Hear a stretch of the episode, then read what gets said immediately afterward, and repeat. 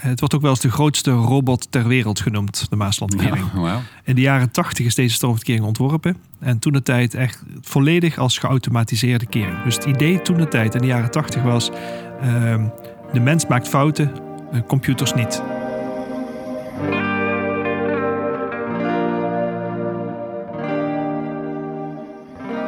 Over 36 uur komt er een storm aan land met een omvang zoals Nederland nog niet eerder gezien heeft. Harde windstoten, hoge waterstanden en een toenemende ongerustheid onder de bevolking. Welke technologie beschermt ons tegen dit dreigende watergeweld? En wie zijn de mensen die daar aan de knoppen zitten? Of gaat het tegenwoordig helemaal automatisch? Mijn naam is Jim Stolze en je luistert naar De Nieuwe Dijkbewakers. Dit is aflevering 3, De Deur Dicht.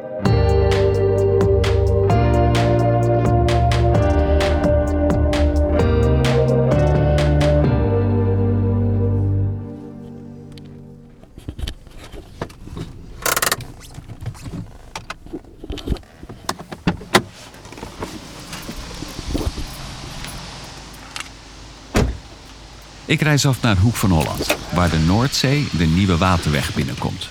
Hier bevindt zich de Maaslandkering, een van de grootste verdedigingswerken die Nederland in kan zetten in de strijd tegen het water.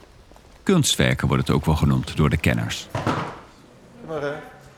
Ik heb een afspraak met Mark Walraven, de absolute expert op het gebied van stormvloedkeringen. In het Algemeen Dagblad stond zelfs een artikel dat Nederland droge voeten heeft dankzij hem. Nou, dat is wel veel te veel eer. Ja, ik, ja, ik heb mijn bijdrage, maar eh, met, met, met mij velen. eh, zowel binnen Waterstaat als buiten Rijkswaterstaat. Het stond er wel. Eh, ja, nou ja, in een krantartikel wil je het ook wel een beetje mooi personaliseren. Dus ik snap dat ze op dat moment mij als eh leiderkeerproces van het operationeel team van onder andere de Maaslandkering en de Achterkering daar wel voor benutten, ja. De nieuwe waterweg is voor mij geen onbekend terrein. Ik ben opgegroeid in Maasluis en ben vaak langs de Maaslandkering gefietst. Maar ik heb me tot voor kort nooit echt gerealiseerd hoe belangrijk die twee enorme stalen witte gevaartes eigenlijk zijn. Ja, we zijn hier bij de Maaslandkering, eh, de laatste der Delta-werken. En bedoeld om Rotterdam en een groot deel van het achterland eh, te beschermen. Eh Ja. Er liggen natuurlijk al hogere dijken en dergelijke. Maar eh bereken dat bij eh, plus drie meter het toch nodig is om hier op een of andere manier eh, de nieuwe waterweg af te sluiten. En dat is uiteindelijk de Maaslandkering geworden. Neem alleen al Nieuwekerk, het ligt op min 6,7 meter, verbonden met Rotterdam, eh, verbonden met Den Haag, Zoetermeer, eh, Gouda. Dus dat hele gebied, eh, als daar eenmaal water op een of andere manier door de dijken breekt, eh, dreigt het te overstromen. En de Maaslandkering is dan de laatste stroomverkering eigenlijk die we sluiten. Na bijvoorbeeld de Hollandse IJskering die we eerder sluiten, sluiten de Maaslandkering als een soort van voordeur bij de echte grote zware noordwesterstormen. Samen met Mark kijk ik, terwijl hij praat, uit op de nieuwe waterweg. Ik zie links en rechts enorme, langwerpige stalen deuren liggen die naar elkaar toe bewogen kunnen worden. We hebben zes stroomverkeringen in Nederland. Mhm. Zes stroomverkeringen althans die Rijkswaterstaat beheren en onderhoudt. Ja, hier lopen er op dit moment die zachte auto's buiten al staan. Zo een eh, 40, 50 mensen rond. Die allerlei vormen van eh, onderhoud aan het uitvoeren zijn. Een flinke organisatie dus. En dat voor een systeem dat bijna nooit gebruikt wordt. Toch bestaat het al sinds 1997. We zijn twee keer gesloten intussen. Eh, in 2007 en 2018 zijn zowel de Maasland als de Harterkering gesloten. Eerlijkheid gebied te zeggen dat we toen de tijd wel het sluitpeil wat verlaagd hebben. Want op het oorspronkelijk vastgestelde sluitpeil zijn we nog nooit gesloten. Dat zal naar de toekomst zeker eh, wel meer gaan gebeuren. Maar eh, we hebben afspraak met de politiek dat als we een aantal jaren niet gesloten zijn, dat we het sluitpeil eens in de zeven jaar mogen verlagen. Zodat de kans wat groter is dat we dichtgaan omdat we uiteindelijk onze organisatie, de mensen, toch moeten testen, eh, Hmm. trainen, oefenen. Onder een beetje reële omstandigheden. Ja. En omdat we ons onderhoud, wat we uitgevoerd hebben, ook willen eh, beproeven. Hey, hebben we alles goed gedaan? Werkt het ook allemaal naar behoren? En zeg eens eerlijk, zijn dat dan de momenten dat je denkt: hé, hey, we mogen? Ja, daar mag je mij wel wakker voor maken, ja. Dat, eh, weet je, daar doe je het met elkaar toch voor. Eh, moet, die ziet nu buiten het onderhoud uitgevoerd worden. En dat is een hele klus. Maar je doet het wel ergens voor. En dat is dat deze stroomverkering en anderen ook altijd eh, betrouwbaar zijn. Het doen wanneer ze het moeten doen. Ik kan me herinneren, 2007, dat was de allereerste keer. Ja, je voelt gewoon de, de ogen van heel Nederland over je schouders meekijken. uh, dat, uh, dat daadwerkelijk dan de Maaslandkering dicht gaat. Dat is dan ook echt al in het nieuws. En het, het grappige is, alle schepen zie je de Rotterdamse haven vertrekken. Die willen liever op zee zijn. Dat is veiliger, minder kans op schade. Mm. En alle Hoekenezen, de mensen hier uit de, uit de Hoek van Holland en uit de buurt... die zie je naar de kering toekomen. Want die willen het met eigen ogen aanschouwen. Dus dat is wel een fascinerende gebeurtenis. De Maaslandkering. Wat maakt dit gevaarte nou zo bijzonder? Een combinatie van een ICT-systeem en een mechanische constructie. Of in andere woorden, een intelligente deur in een kanaal die open en dicht kan, die zelf informatie wint over het weer en de standen van het water. Die informatie die is gebaseerd op de modellen en berekeningen uit de waterkamer in Lelystad en uit de beeld. En dat alles bij elkaar rekent door hoe zien de potentiële scenario's eruit voor de komende dagen en weken. Ja. En dan kun je daaruit afleiden, hey, het zou kunnen zijn dat mogelijkerwijs stormverkeringen moeten sluiten.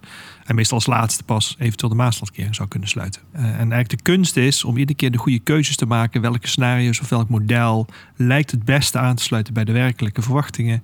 Uh, zodat we die kunnen gaan gebruiken. En die data die wordt waar dan uit gekozen wordt wat de potentiële goede scenario's zijn, eh, die gaan uiteindelijk de, de Maaslandkering in. We hebben daar een beslissend ondersteunend systeem, die vervolgens berekeningen weer maakt voor de verwachtingen voor Rotterdam. Intussen monitoren waterloopkundige specialisten de systemen waarin alle data en modellen zichtbaar zijn. Deze specialisten kijken naar de waterstanden ter plekke om te verifiëren of de door het KNMI en het Watermanagementcentrum Nederland gedeelde gegevens daadwerkelijk kloppen. Het wordt ook wel eens de grootste robot ter wereld genoemd, de Maaslandkering. In de jaren 80 is deze stroomverkering ontworpen. En toen de tijd echt volledig als geautomatiseerde kering. Dus het idee toen de tijd in de jaren 80 was... Uh, de mens maakt fouten, computers niet. Iedere stap in het hele proces, tot met de sluiting en opening en toe, zou volledig geautomatiseerd zijn. De tijden zijn veranderd. Want ook software schrijven is mensenwerk. Daar kunnen dus fouten in sluipen. Daar kwamen Mark en zijn collega's ook achter. Toen hebben we moeten bijsturen als Rijkswaterstaat en gedacht: nee, we moeten hier het optimum vinden tussen het benutten van software, alles automatiseren, en het benutten dat je de mensen ook kunt trainen. En dat de mensen toegevoegde waarde kan hebben in de betrouwbaarheid. En als je die twee met een goede combinatie eh, eh, tot elkaar laat verhouden, ja, dan krijg je een meer hogere betrouwbaarheid. En dat is ook voor ons zelf een uh, belangrijk leerproces geweest. Uh, wat je ook ziet, de civiele techniek gaat natuurlijk uh, vele jaren mee. Uh, het, het, beton wat hier ligt, dat gaat echt wel heel lang mee. zelfs voor staal gaat lange tijd mee. Maar software moet wel eens in zoveel tijd vervangen worden. Dat is ook de snelst ontwikkelende business, technologie. en dat is best wel een uitdaging. want dat betekent dat we iedere 10, 15 jaar toch wel onze industriële automatisering, besturingssystemen moeten vervangen. Iedere keer weer met de nieuwste inzichten maar dat wel vervangen in een kering die even oud of zo niet ouder wordt. Uh, en dat geeft wel uitdagingen. Uh, als je de stroomverkering gaat aansturen, daadwerkelijk gaat laten bewegen, dan komen de besturingssystemen de industriële automatisering uh, aan bod. Dus dat betekent dat op enig moment berekend wordt wat de waterstandsverwachting voor Rotterdam is. En als die boven de 3 meter komt, ja, dan gaan er signalen gegeven worden via de uh, besturingssystemen aan de verschillende onderdelen van de stroomverkering, naar het bosgenier, naar het locomobiel, naar de pompen. Uh, en al die systemen, ja, dat zijn besturingssystemen, industriële automatisering, die hmm. specifiek voor dit object gemaakt zijn. Ja. En ook voor de andere stroomverkeringen bijvoorbeeld. Maar in de dagelijks beheer en onderhoud ja, zouden we nog veel meer kunnen doen met data-analyse. We hebben best veel data. En als je dan gaat kijken naar machine learning en wat kun je eruit halen aan trends en wat betekent dat voor je beheer en onderhoud, nou, daar hebben we echt nog wel wat te leren met elkaar. We hebben veel data, hmm. maar doen nog onvoldoende eigenlijk aan het leren van de lessons learned daaruit. Dus je eigenlijk van IA naar AI? Um, in zekere mate wel. Uh, ik bedoel, we hebben onze les natuurlijk geleerd met uh, de maatstandskering volledig geautomatiseerd. Mhm. Dus het, het, blijft denk ik die wisselwerking tussen automatisering en uh, de menselijke deskundigheid. Ja. Maar we kunnen denk ik veel meer leren van de nieuwe technologieën. En zeker als je gaat kijken naar sensoring, het vergaren van data, dan machine learning en misschien zelfs wat digital twin. dat biedt wel veel mogelijkheden. En dat is voor ons nog wel een pad om te begaan. Daar hebben we nog weinig ervaring in. en daar kunnen we echt wel veel meer mee doen, is onze verwachting. Terug naar Storm Ruby. Het KNMI heeft code geel afgegeven en de kans is groot dat dit advies 24 uur voordat de storm aan land komt, wanneer het op zijn vroegst mag, zal veranderen in code rood Ook vanuit de waterkamer in Lelystad wordt bevestigd dat we hier wel eens met de grootste storm in tijden te maken kunnen krijgen. Onze interpretatie is sowieso niet, het gaat fout. Uh, wij denken toch een aantal van ons, eindelijk. Ja, ja. Uh, hier zijn we voor getraind, hier zijn we voor opgeleid, dit willen we doen. Ja. Uh, enerzijds omdat het gewoon ook ons, ons, ons trots maakt voor dat werk wat we altijd doen en dat te mogen uitvoeren. We mogen. Anderzijds ook omdat je ervan leert. Juist in dat soort omstandigheden is het zo interessant om te kijken hoe ook acteer je als team. Wat doet zich voor? Hoe Hmm. handel je daarop? En gewoon te doen waarvoor je besteld bent. En zoals dat dan gaat is, uh, we hebben een piepersysteem. Dat is toch redelijk uh, old-fashioned. Uh, ja, old-fashioned heeft iedereen zijn pager zeg maar, in zijn tas zitten. Oh. En dat betekent als die afgaat, dan moet je binnen twee uur op de stroomverkering zijn. En voor zover er dan paniek zou zijn in Nederland, omdat er een zware storm op ons afkomt. Voor ons wordt dat niet zo ervaren. In principe is, ik wil niet zeggen business as usual, maar dit is wel waarvoor we zo'n stormverkering beheren en onderhouden. Uh, het zou pas paniek zijn als iets niet zou werken, bij wijze van spreken, Hmm. met de kering. Maar het gewone sluitproces wordt voor ons uh, in die zin niet zo uh, als stressvol ervaren. Het is natuurlijk wel een gezonde spanning. Dat laat ik dat, dat natuurlijk vooropstellen. Het is wel Ja. spannend. Zo vaak doen we het niet. En het is toch heel mooi dat we dat mogen doen. Oké, okay, en dan gaan dus die piepers. Wat dan? Drukt er iemand op een grote rode knop zodat de enorme deuren dichtgaan? Moet ik dat zo voor me zien? Nee, dat, uh, de Maastrichtkering is inderdaad uh, uh, volledig geautomatiseerd uitgevoerd. Dus wat wij doen is vooral monitoren. wij zitten de, alle, ehm, op alle monitors te kijken voor wat zijn de voorspellingen, wat doen de waterstanden. Ehm, hebben contact met het centrale uh, apparaat in, in, uh, in Lelystad, waar de voorspellingen nog, nog nauwkeuriger gevolgd worden.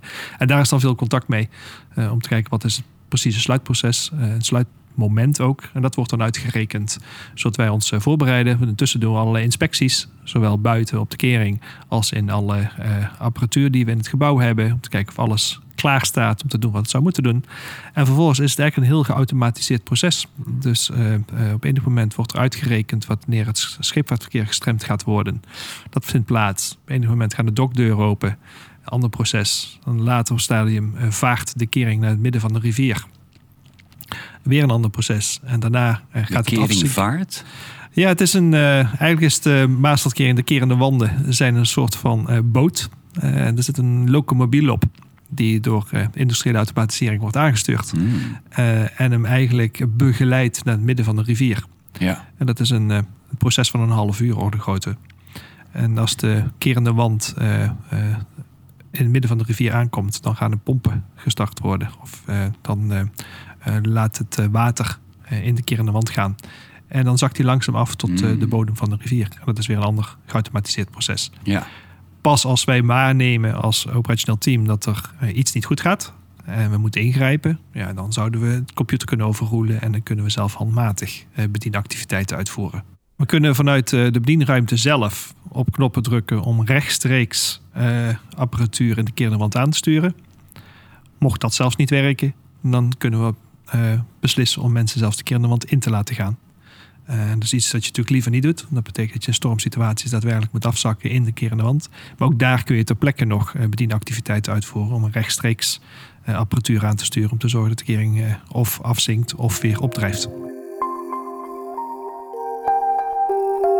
Omdat de stormvloedkering vitaal is voor de Nederlandse infrastructuur, is gekozen om bij de bediening ervan industriële automatisering te scheiden van de kantoorautomatisering. En dat hebben we ook moeten leren, hoor. want dat is wel heel grappig. Ja, misschien niet grappig, maar in 2007, toen hadden we de daadwerkelijke sluiting. En ik kan me herinneren dat uh, het was de eerste keer. De eerste keer dat de Maastadkering dichtging. Uh, je merkt gewoon, iedereen staat te kijken. Wat is nou precies het moment? Want hij berekent steeds met 10 minuten intervals wanneer die daadwerkelijk gaat sluiten. Want het is op basis van realistische waterstanden.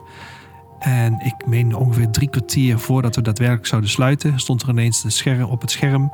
Uw systeem wordt afgeschakeld. Uh, start uw computer opnieuw. En ja, dat is wel heel bijzonder als je dat dan leest. Ja. Maar dat is nog gestoeld op de oude uh, uh, technologie dat je je computer na 24 uur gebruik of zo opnieuw moest uh, opstarten. en er was toen geen rekening mee gehouden dat als je zo lang op je locatie zit, dat dat dan niet handig is. Uh, dus dat hebben we na tien jaar, bij wijze van spreken, uh, pas ervaren dat dat zo was. Uh, achtergrond gingen de informatietechnologie systemen allemaal wel gewoon door. Dus het, in die zin werd het operationeel proces niet gestoord. Maar is dat wel even raar te kijken als je op je monitor kijkt en hij zegt start uw computer opnieuw op. Uiteraard dat soort dingen leer je van. En zulke dingen zitten altijd in dit soort objecten. Het zijn unieke objecten die maar eenmalig gemaakt zijn. Dus daar zitten um, situaties in die je kunt verbeteren in de loop van de jaren. Dit was er zo eentje, puur op IT-gebied. Ja. En toen hebben we de IT en industriële automatisering wat meer uit elkaar getrokken, zodat dat in ieder geval niet meer kon gebeuren.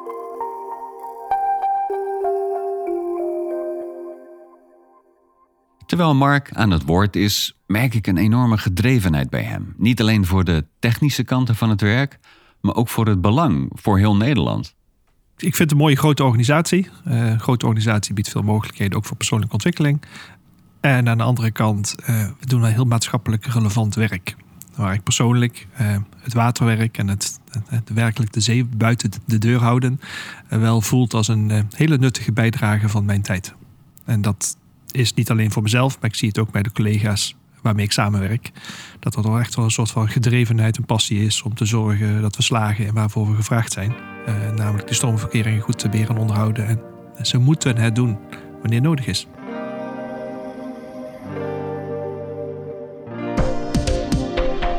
Vanwege storm Ruby sluit Rijkswaterstaat een Maaslandkering. De stormvloedkering bij Hoek van Holland ging in 2018 voor het laatst dicht. Eerder vandaag sloot ook de Oosterscheldekering. Naar verwachting komt de storm over 36 uur aan land.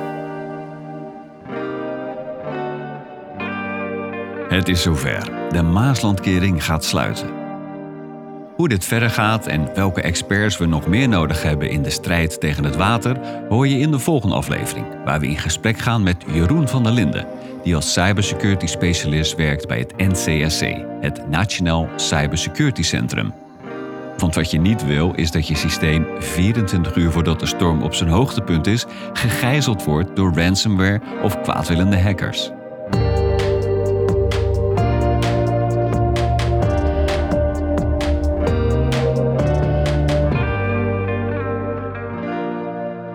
De Nieuwe Dijkbewakers is een productie van het podcastkantoor in samenwerking met de Rijksoverheid. Presentatie wordt gedaan door mij, Jim Stolze, en de muziek die je hoort is gemaakt door Emiel Landman. In deze podcastserie komen IT'ers aan het woord die werken bij de Rijksorganisaties het KNMI, Rijkswaterstaat, het NCSC, het LOCC, DICTU en RVO. Vond je dit een leuke aflevering? Abonneer je dan op de podcast en laat vooral even een review achter, zodat we beter vindbaar worden voor nieuwe luisteraars. En wil jij je IT-skills inzetten voor Nederland? Ga dan naar werkenvoornederland.nl/ict.